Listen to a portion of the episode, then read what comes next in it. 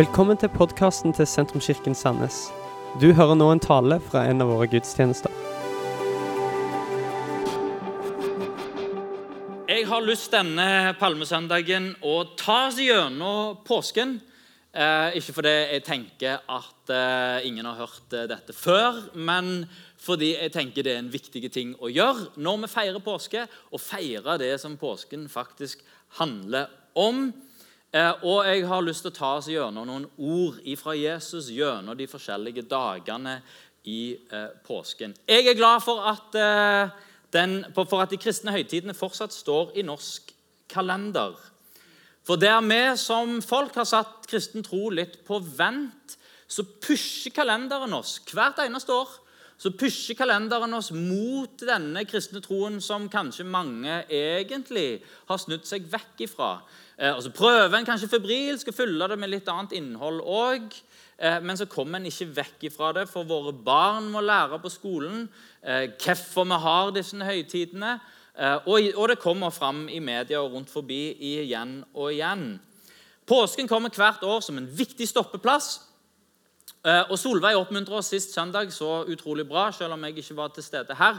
Så eh, Jeg var i Arendal sist søndag. Så, eh, så snakket hun så bra om å lage tradisjoner av påsken.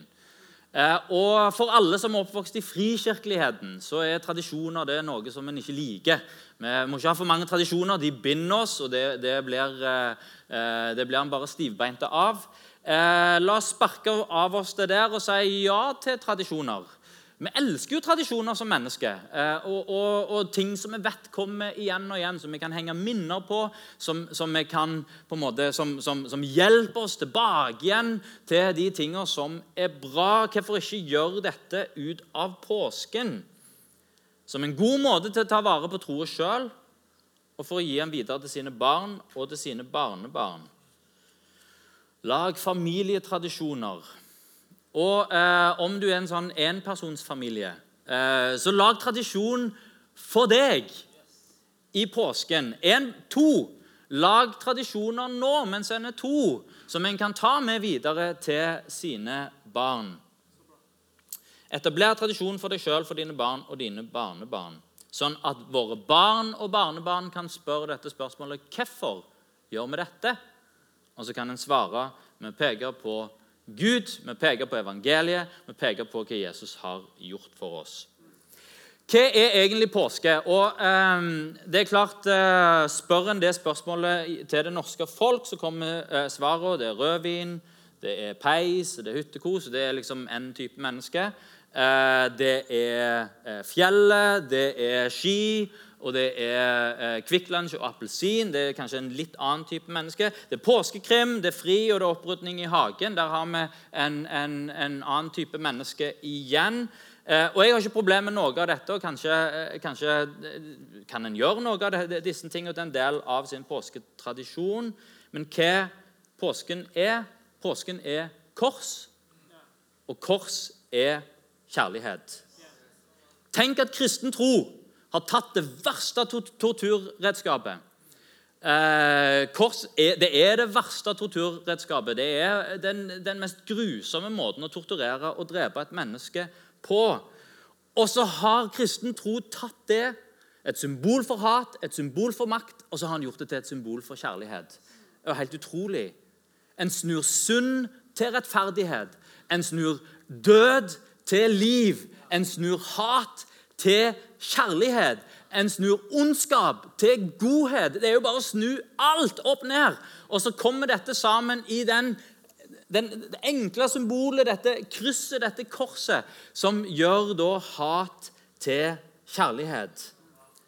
Og Korset handler om den guddommelige kjærligheten, den som vi ser her på skjermen. Den som vi kaller for agape, det som Bibelen kaller for agape, og som Øystein så vakkert har beskrevet eh, for oss i møteledelsen. Agape beskrives i kjærlighetskapittelet i 1. Korinterbrev 13. Og La meg lese eh, min raske sammensetning av 1. Korinterbrev 13. Agape er ikke misunnelig, skrytende, hovmodig, krenkende, egoistisk, oppfarende, og hemmelighetsfull.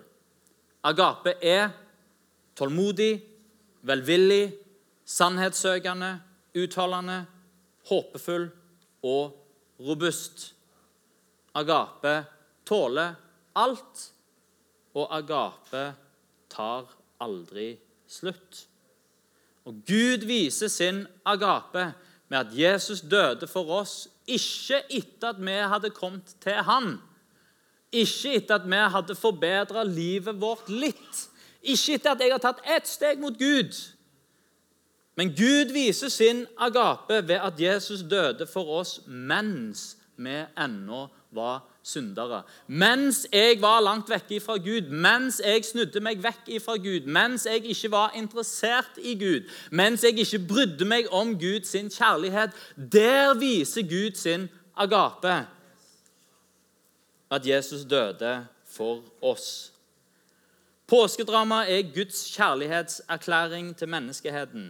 Nå skal vi gå gjennom påsken og se på Jesus sine ord og se på hva hans kjærlighet er for oss gjennom påskedrama. Vi begynner med palmesøndag. Der Jesus sier at eh, dersom de tider skal steinene rope en kjærlighet som gir glede og begeistring. Det er det som vi ser på palmesøndag. For uh, av alle de eventene som skjer i løpet av påsken, så er jo palmesøndag den som er på en måte, den som er lettest. Den som, eh, der det er mest smil, der det er mest glede, der det er lite, der er lite blod, Eh, og der er lite tortur og der er lite lidelse. hele Jerusalem er full av folk. Hvorfor? For de var der for å feire den jødiske påsken. Det er god stemning. Alle de som kjenner Jesus Jesus han har jo hatt sin, eh, sin tjeneste oppe i Galilea, oppe i nord i Israel eh, for det meste. Og de fleste som kjenner han derifra, de er i Jerusalem, sånn som alle jøder eh, gjorde. De dro til Jerusalem for å feire påske. Så byen er stappfull av turister fra hele Israel som skal feire påske, og som er i god stemning. De skal grille, de skal ha eh, måltid, de, eh, de, skal feire. Eh, og Jesus' sine disipler er jo òg selvsagt der. Så rir Jesus inn i Jerusalem på et esel og oppfølger profetien fra Zakaria. Folkemengden jubler. De skjærer greiner. Eh, de vifter med greinene. Eh, de lagde seg flagg. Vifta med flagg. Og de danser litt. De roper halleluja-rop, de roper hosanna-rop. De, de, har rett og slett et pinsekarismatisk møte eh, som var litt mer begeistra enn det som vi eh, klarte å få til her i dag. Der er, der er glede, der er begeistring, der er dans, der er lyd, eh, og der er følelser i sving. Dette er en av realitetene ved Jesus. Han vekker begeistring, eh, og han blir hylla. Det er noe bra med kongen på et esel. Jeg liker det iallfall. Uh, en ting er kongen som kommer som kommer ridende inn på den hvite hesten med stor pomp og prakt, og som viser sin makt. Jeg syns det er kult med kongen som kommer på et esel. Og vet du hva? Det virker som at uh, det er mennesker til alle tider som elsker Jesus som konge. Den ydmyke kongen, den som går rundt og gjør godt, den som ikke peker på seg sjøl, den som kommer ridende inn på et esel. Og det er jo utrolig. Sosialistene de elsker Jesus og sier han var den første sosialist. Kapitalistene elsker Jesus og sier Jesus var den første kapitalist. Folk som ikke liker kirka og ikke liker kristen tro engang. De sier vi kan ikke fordra den kristne troen, vi, ikke, vi liker ikke kirka, men Jesus han elsker vi. Kjendiser sier at Jesus han er et fantastisk flott forbilde. Hvorfor? Fordi en elsker denne kongen som kommer ydmykt ridende på et esel. Kongen som er på de svakeste sider, kongen som refser de rettroende, Kongen som gir nåde til de utstøtte. Kongen som er full av nåde og sannhet. Ikke sikkert alle disse klarer å skape hallelujastemning alltid, men det er nok av de som, som hyller Jesus. Men når hyllesten blir følelsesmessig og tar overhånd, så ser vi òg på palmesøndag at det er alltid noen som ikke liker det. Det er alltid noen som syns det ble litt mye. Det var ingen som tok den. En har kanskje fulgt med på hva som har skjedd i VG og, og, og, og sånt. Eh, en syns det blir litt mye. Det blir for mye følelser, det blir for mye glede. Der er, der er, der er litt for mye følelser. Og noen avfeier kristen tro som følelsesbasert. Fariseerne kommer til, eh, til, Jesus og sier til ham eh, Kan du ikke få disiplene dine til å roe seg ned? Du, eh, det ble litt mye nå. Eh, det var litt mye følelser i sving her. Dette her er ikke bra. Dette, eh, Kanskje går det litt over styr. Jesus han snur seg ikke da og sier hør, det ble litt mye, folkens. Men han sier til fariseerne at dersom disse tider, så skal steinene rope. Guds kjærlighet er en kjærlighet som skaper begeistring, og som skaper glede. Vi trenger palmesøndag. Kanskje lever vi i en litt åndsfattig tid. Det er ikke sånn at det er en bølge av Gud som skyller over den vestlige verden akkurat nå. Og en bølge av Gud som skyller over Norge, der bare alle går rundt og tenker på Gud hele tida.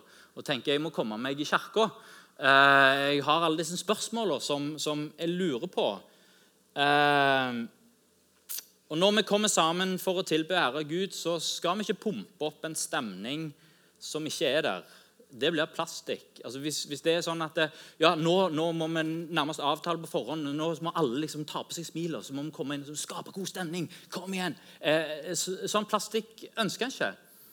Eh, men det er noe som skjer når troende kommer sammen og gleder seg over frelsen når han gleder seg over oppstandelsen, når han gleder seg over håpet som Jesus gir, når han gleder seg over at døden er den siste fiende, er overvunnet, når han gleder seg over nytt liv og over evig liv, når han kommer sammen og han vet at en har feila i løpet av uka, og så gleder han seg over Guds nåde og nye sjanser. Og så gleder han seg over fellesskapet og så gleder han seg over kjærligheten som han gir. Det er noe som skjer når den som tror, og som, som, som bare vet at det er en himmel over livet mitt, og som gleder seg over at det er en himmel over livet, som løfter opp hans navn, hyller Jesus som konge, som Messias, da er det bra når følelsene får lov å ta litt overhånd, og en får kobla følelsene sine på. For hjemme i stua, alene, så kan jeg fylles med tvil. Hjemme alene i stua så kan du fylles med tvil. Eh, overlatt til meg sjøl så blir det fort grubling. Johannes døperen, som Jesus sa, han er den største. Født av, eh, av ei kvinne. Det er Johannes døperen, størst av alle. Han er den som skal gå foran meg. Han er den som, som, som, eh, som profetene har profetert om, om, om han som, lager vei i ødemarka. Det er Johannes.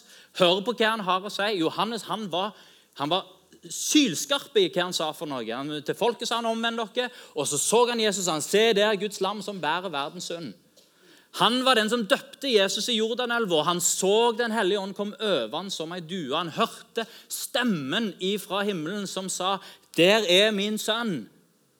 Hør han. Johannes døperen fortsetter med å si, peke på Jesus og si, 'Han skal vokse, jeg skal avta'. Og Så havner Johannes døperen i fengsel. Han sitter i fengsel alene.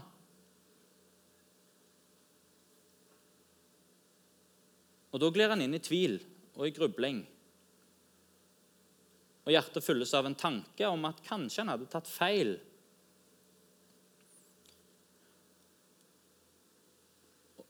Og han måtte spørre, eh, spør Jesus er du den som skulle komme, eller skal vi vente en annen. For når vi blir overlatt til oss sjøl, da, da, står tvilen der og banker. Tenk på Hans Nissen Hauge, som revolusjonerte eh, Norge både åndelig og materielt. I løpet av en tiårsperiode så regner en med at så mye som 10% av Norges befolkning ble med i, i en eller annen sånn Haug-inspirerte gruppe. Eh, og Han, han starta business rundt overalt og drog fra by til by og prekte evangeliet. Var overbevisningen sjøl. Så havner han i fengsel, og der, overlatt til seg sjøl, alene, uten sine venner, uten fellesskapet, så ble han som Johannes, nedbrutt. Vet du hva? Jeg trenger fellesskapet, og du trenger fellesskapet. Jeg trenger palmesøndag, og du trenger palmesøndag. Jesus han, han kommer til oss igjen og igjen. Og Han kommer ridende på et esel. Herlige Jesus, som alle elsker. La oss begeistre av Jesus igjen og igjen. La oss kutte av palmegreinene og vifte med dem. La oss gjøre en søndag til en sånn begeistra samling over hvem Jesus er. Han som gir glede, han som gir mening, han som gir nåde, han som gir kjærlighet. Og Når jeg er høyt oppe, så kan jeg være med å dra andre opp. Og når jeg er langt nede, så kan jeg være med å koble på noen andre som er høyt der oppe. Hans kjærlighet er en kjærlighet som gir glede. På skjærtorsdag så er det en kjærlighet som vil være sammen med deg. Og Jesus sier på skjærtorsdag jeg har lengta inderlig etter å spise påskemåltidet med dere før jeg skal lide. Og jeg må jo si dette er jo Det er jo stort. Jesus vet hva som ligger foran ham. Han vet at han skal lide og dø. Han vet det, det, det verste øyeblikket i livet mitt det verste i livet mitt det ligger rett foran. Jeg har lengta inderlig etter å få være sammen med dere, mine venner. Spise påskemåltidet med dere. Et måltid er vennskap, et måltid er familie, måltid er gode minner. Et måltid kan gi tilhørighet. Måltid er kjærlighet som sitter fast i lukter og stemning. Og Jesus ber disiplene gjøre alle forberedt. Det er det tradisjonelle påskemåltidet. De skal spise sammen. Eh, litt mer, kanskje som pinnekjøtt eh, på jul for eh, den som er norsk, eller ribba for de som er så uheldige å spise det på jul. Så Jesus ber disiplene gjøre forberedelsene før dette mest alvorlige øyeblikket, før det vanskeligste punktet i sitt liv før det hele topper seg. Hva er det viktigste han kan gjøre i det øyeblikket der? Det å være sammen med sine venner. Jeg har lengta inderlig etter å få spise dette påskemåltidet med dere før jeg skal lide. Hva kan vi lære av det? En kjærlighet som vil være sammen, en kjærlighet som vil spise sammen, som venner. Nattverdsmåltidet jeg elsker at vi har nattverd i linkgruppene våre. Og at Når vi samles i linkgruppene, så deler vi nattverden og så minnes vi Jesus. Og så har en dette fellesskapet basert på noe mer enn at vi er pluss-minus i samme alder og at vi er pluss-minus for samme kultur og at vi kanskje liker å være med hverandre. Nei, men Det som bringer oss sammen, er måltidet at når vi bryter brødet, når vi drikker vinen, så minnes vi Jesu død og hans oppstandelse. Og så kommer vi nær og så kan en si det samme. Jeg har lengta inderlig etter å spise påskemåltidet, med, eh, spise nattverdsmåltidet med dere. Til deg som ikke er med i ei linkgruppe, bli med i ei linkgruppe. Hvor en kan dele dette måltidet sammen. For det av og til så trenger vi de andre. Men så er det òg de tidene der det er andre som trenger meg. Og det å komme sammen igjen og igjen Jesus han prioriterte det når det verste øyeblikket i hans liv var rett foran der, så var det dette som han lengta inderlig etter. Men så syns jeg det er, noe, det er noen ting her som, som, er, som er stort. Han spiser sammen med Peter, som han vet skal fornekte han. Han spiser sammen med Judas, som han vet skal forråde han. Han spiser sammen med resten av disiplene, som han vet alle som en, så skal de flykte vekk fra meg. Han vet alt dette, og det er de nærmeste vennene. Og allikevel så sier han jeg har lengta inderlig etter å dele dette måltidet sammen med dere. Det er Guds kjærlighet. Den vet om svik. Den vet om, eh, om, som, om, om forrådelse. Den vet om feighet. Men sender kjærlighet til oss allikevel.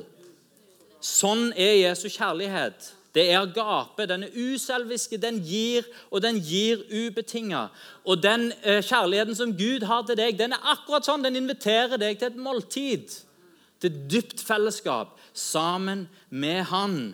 Han vet om dine skavanker, han vet om din feighet, han vet om dine svik. Han vet om det du ikke har fått til. Allikevel så sier han jeg har lengta inderlig etter å spise påskemåltidet sammen med deg. Ikke bare på tross av den du er, men på grunn av den du er. En kjærlighet som vil være sammen med deg. Dagen etterpå så er det kjærligheten som tilgir. Og Jesus sier, 'Far, tilgi dem, for de vet ikke hva de gjør'. Langfredag er Jesus sin lidelseshistorie. Først så forhøres han brutalt. Eller først så pågripes han, så forhøres han brutalt. Han blir spotta, han blir piska, han blir slått. Eh, og han må bære sitt eget kors, svak og utmatta. Så bærer han korset gjennom byen. Han blir spigra opp på korset, og han lider en uutholdelig smertefull død. Eh, og så er det noe mer som skjer eh, bare enn den fysiske smerten. Eh, der er en smerte i atskillelse fra Gud, fordi Jesus han roper ut 'Min Gud, min Gud, hvorfor har du forlatt meg?' Og Så dør han, og så gjør han det for meg. Når, når troen ble levende for min del når jeg var 10 eller 11 år gammel, så var det Jesus sin lidelseshistorie. Det var det som greip meg når jeg forsto at oi, alt dette som Jesus gjorde, som jeg har hørt om i påsken og korset alltid sammen, det gjorde han for meg. Det var personlig. Han så meg, Per Eivind, når han gjorde dette. Han ga sitt liv for meg, Per Eivind. Han, han lei på korset for meg. Ti år, elleve år gamle Per Eivind. Første gang jeg så traileren til 'Passion of the Christ', så, eh, som er Mel Gibson sin, eh, sin episke eh, påskefilm, fikk jeg samme følelsen igjen. Wow, dette gjorde du for meg. Og Det er noe irrasjonelt over det som skjer på langfredag. For det som skjedde på påskedag, eh, på palmesøndag, med at alle gleder seg, alle er begeistra, alle hyller denne kongen som kommer på et esel, denne fantastiske kongen som er den første sosialisten, første kapitalist, den som alle vil ha som forbilde, han som alle kan like så plutselig så bare snus alt dette på hodet, og så er det bare et irrasjonelt hat som tar over. Sanseløst hat fra de som føler seg trua av Jesus. Og Fortsatt så er kristne den mest forfulgte minoriteten i verden.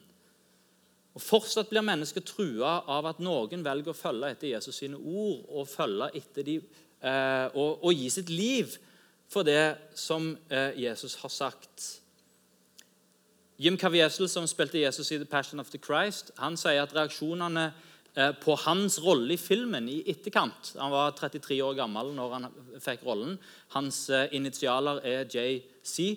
Eh, og han var Ja, jeg sa det. 33 år gammel. Det, det var liksom mye som, Og han ligner jo litt òg. Mel Gibson sa til han hvis du tar på deg denne rollen, så kommer det til å drepe din karriere for for uh, altså resten av din skuespillerkarriere, den, den, er død. Og det er det som, som uh, Jim sier. Uh, etter det så har det bare vært stilt. Ingen vil ha Jesus Kristus med seg på, i sine Hollywood-filmer. Jesus' sin lidelse er objektivet. Den gjør opp for hele verdens synd. Når Jesus bærer korset, så bærer han byrden av alle menneskers synder gjennom hele historien, inkludert det største og inkludert filleting. Helt til de verste ugjerninger med drap og overgrep, og helt ned til de små tankene og de små motivene. Hvorfor måtte Jesus dø? Det er et vanlig spørsmål. Men urettferdighet må gjøres opp for. Kanskje forstår vi det ikke alltid når vi ser bare på oss sjøl, men hvis vi ser på menneskeheten eh, og ser alt det som menneskeheten har forårsaka, så er vi jo enige. Urettferdighet, det må gjøres opp for. Det er ikke bare mine synder Jesus døde for, det er verdens synder. Og vi ser Guds rettferdighet og Guds hellighet og en synlig dom. Den bærer Jesus på seg. Det er det objektive. Så er det det subjektive. For hvordan er det Jesus behandler de som har gjort han ille? Hvordan er Jesus som et eksempel? Hvordan hevner Jesus? Tenk deg at du er Guds sønn. Tenk deg at du har, du har alt av kraft tilgjengelig. Du har Guds kraft tilgjengelig. Og dette er det som blir gjort mot deg. Og så tenker du hvordan kan jeg få lov til å ta igjen på en skikkelig herlig måte? Og jeg må innrømme det. Hvis Hollywood lager en skikkelig god hevnefilm, så syns jeg den er bra. Når noen har opplevd noe forferdelig og som tar igjen Jeg skal ta igjen. Jeg skal fotfølge hver en som var med og gjorde dette, og så skal jeg ta igjen skikkelig. Og så er det noe i oss mennesker som bare Ja! Ta igjen! Kom igjen! Dette var urettferdig, og du skal, du, øh, du skal hevne dette. Og så skjer det noe på korset som er totalt annerledes. For hvordan hevner Jesus? Han hevner med nåde. Far, tilgi dem, for de vet ikke hva de gjør. Og Både Nelson Mandela, Martin Luther King og Gandhi har vist at det er mulig å ta det som Jesus sa på korset, og gjøre det til politikk som fungerer. Og så blir det personlig. De som eh, ble korsfesta på hver side av Jesus, de begynner å snakke sammen. Eh, og Jeg, eh, jeg syns det er noe litt norsk over den samtalen. For den ene håner Jesus og sier, 'Du som har frelst andre', og du som sier at du er Guds sønn Hvis du er Guds sønn, da kan du bare krype ned av korset. Da kan, du bare, da kan du fikse alt dette her som du har kommet Og du kan fikse for oss òg, hvis du er Guds sønn. Og Så spytta han på han. Han hadde ikke noe tro på at han var Guds sønn. Jeg syns jeg hører litt av det i, uh, i, hvordan mange nordmenn forholder seg til Gud. Hvis Gud er virkelig, så hadde bare sånn og sånn. Hvis nå Gud er sann, så bare sånn og sånn og sånn og sånn. Så er det en eh, røver på den andre sida som har motsatt tilnærming.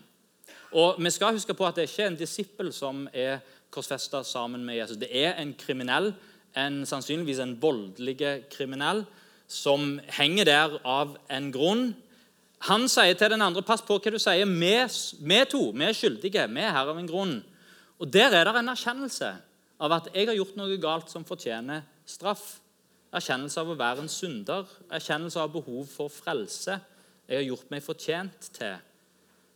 Og Så snur denne røveren seg til Jesus og så sier han, 'Tenk på meg når du kommer i ditt rike'. Og I den setningen der så, så er det Eh, er to ting. Først, når du kommer i ditt rike, der er en erkjennelse av at Jesus han er konge. Når du kommer til ditt rike, kong Jesus. Og så etterpå så er det en norsk bekjennelse. Tenk på meg. Ikke 'Å, jeg tror på deg med hele meg, jeg gir alt til deg.' Nei, eh, tenk på meg, Jesus. Når du kommer i ditt rike, tenk på meg.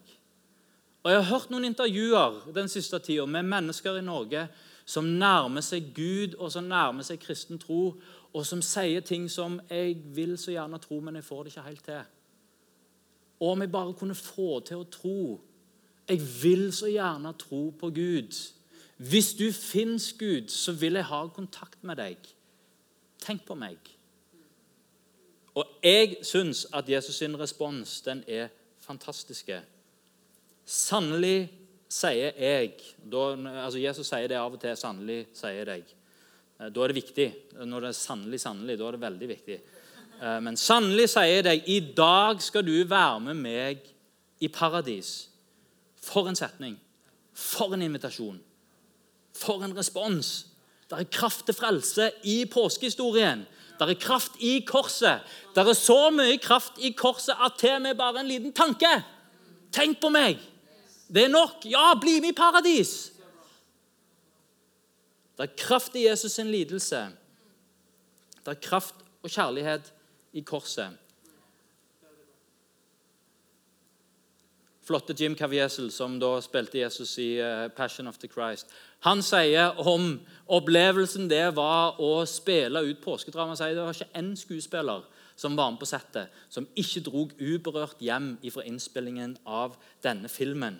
Eh, og så forteller han videre at det var flere av skuespillerne som tok imot frelse i løpet av, når de spilte ut påskedrama, for det ble så levende for dem. Og En av de skuespillerne som tok imot frelsen i løpet av innspillingen, det, det var Luca Lionello, som, spil, eh, som, eh, som spiller i filmen han spiller Judas. Eh, og det ble, det ble, såpass sterkt for han som spilte Judas, at han, han, kun, han, kom til tro. Han lot seg døpe med hele sin familie, kobla igjen med kirka og kom tilbake igjen til tro på Jesus. Påskedrømmen hadde gjort et sånn et inntrykk at han hadde samme opplevelsen som røveren. Tenk på meg. Og så avslutter, uh, så avslutter påsken og påskefortellingen med første påskedag. og Da kan gjerne bandet få lov til å komme opp og gjøre seg klar.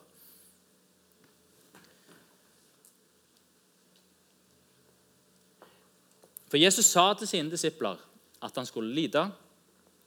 Han sa han skulle dø. Han sa òg at på den tredje dag skal jeg stå opp.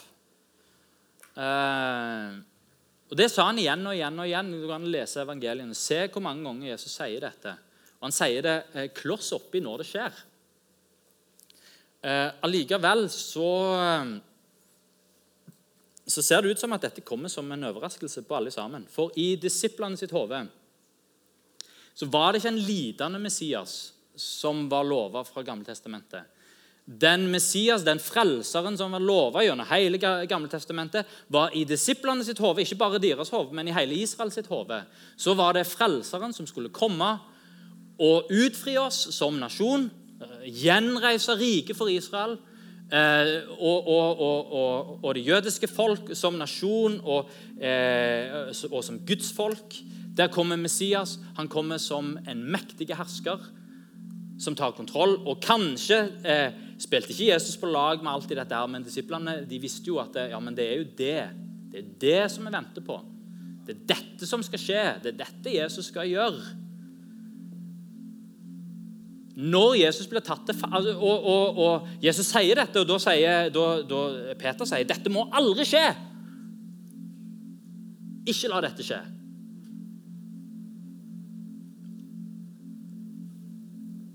Allikevel så kommer det som en overraskelse. Når Jesus dør på korset, da dør håpet. Da er det, det er bare det er, det er over og ut denne frelseren som skulle frelse oss fra okkupasjonsmakten, han ble drept på den mest ydmykende måte av okkupasjonsmakten. De viser sin makt, og vi er overvunnet. De som trodde på det Jesus sa, eller som hadde fått det med seg, det var fariseerne. For de gikk til de romerske myndighetene og så sa du, eh, eh Jesus han har sagt til sine etterfølgere at han skal stå opp igjen. Så hvis dere er lure, da, så setter dere ut et stort vaktlag eh, utenfor grava. Og så seiler dere grava med et romersk seil. Eh, og så passer dere på de tre neste dagene at ingen får lov For det disse disiplene de kommer til å komme, de kommer til å stjele eh, legemet. eh, og så kommer de til å fortelle at han er oppstått, og så blir det bare verre enn det har vært noen gang. Så de romerske myndighetene gjør akkurat det. De setter et vaktlag foran grava. De seiler grava med et romersk seil. Det var dødsstraff bare det bare å, å åpne et romersk seil. Det var det dødsstraff for å gjøre.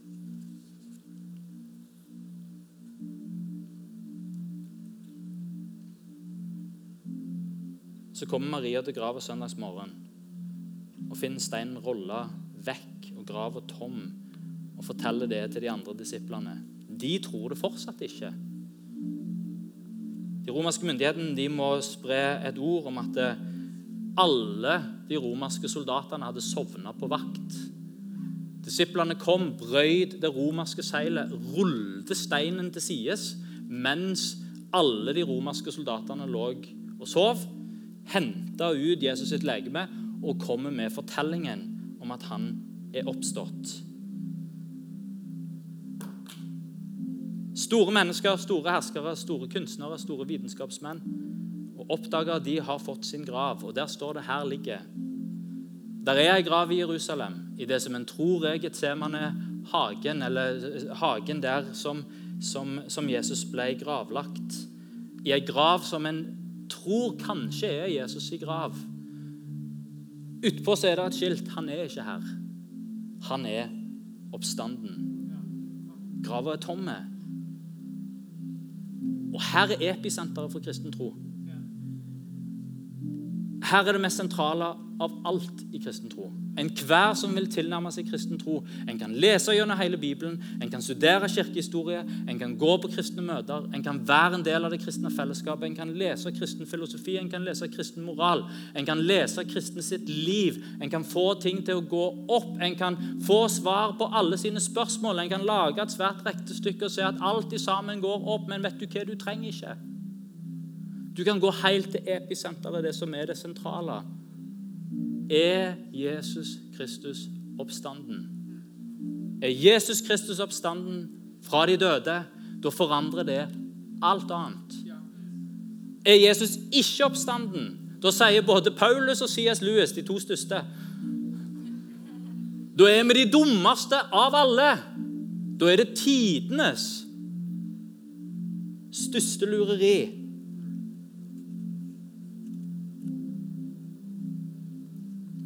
Graven er tom. Den kristne troen er ikke forankra i teologi, ikke i filosofi, men den er forankra i historien. At Jesus døde for våre synder. Han sto opp igjen etter Skriftene den tredje dag. Han overvant døden en gang for alle. Sier, 'Død, hvor er din brodd?' Han overvant synd og skyld og skam en gang for alle. Han overvant hat med kjærlighet. Han bytta død med liv. Han bytta ondskap med godhet. Og han hevner med nåde.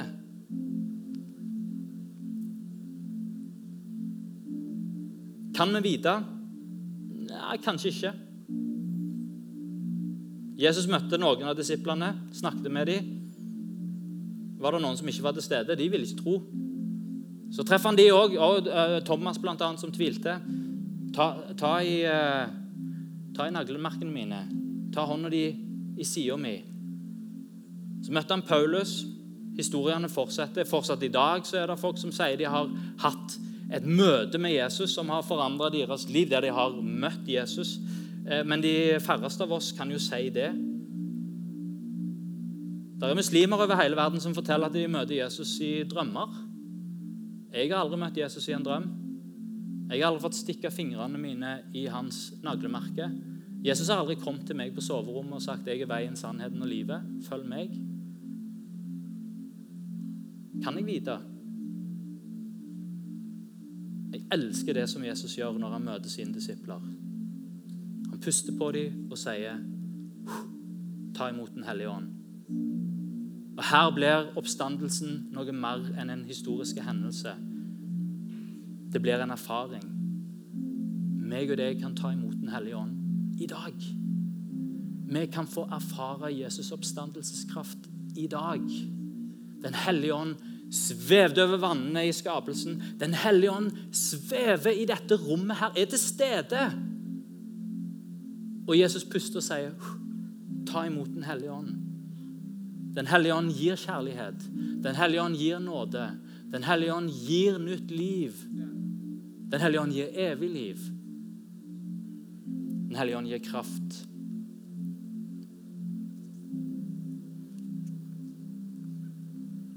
Kan vi ta og reise oss? Dette var slutten på denne talen. Håper du har blitt inspirert. Om du har lyst til å vite mer om hvem vi er, eller hva vi gjør, eller har lyst til å høre flere podkaster, så kan du besøke vår nettside sentrums.no.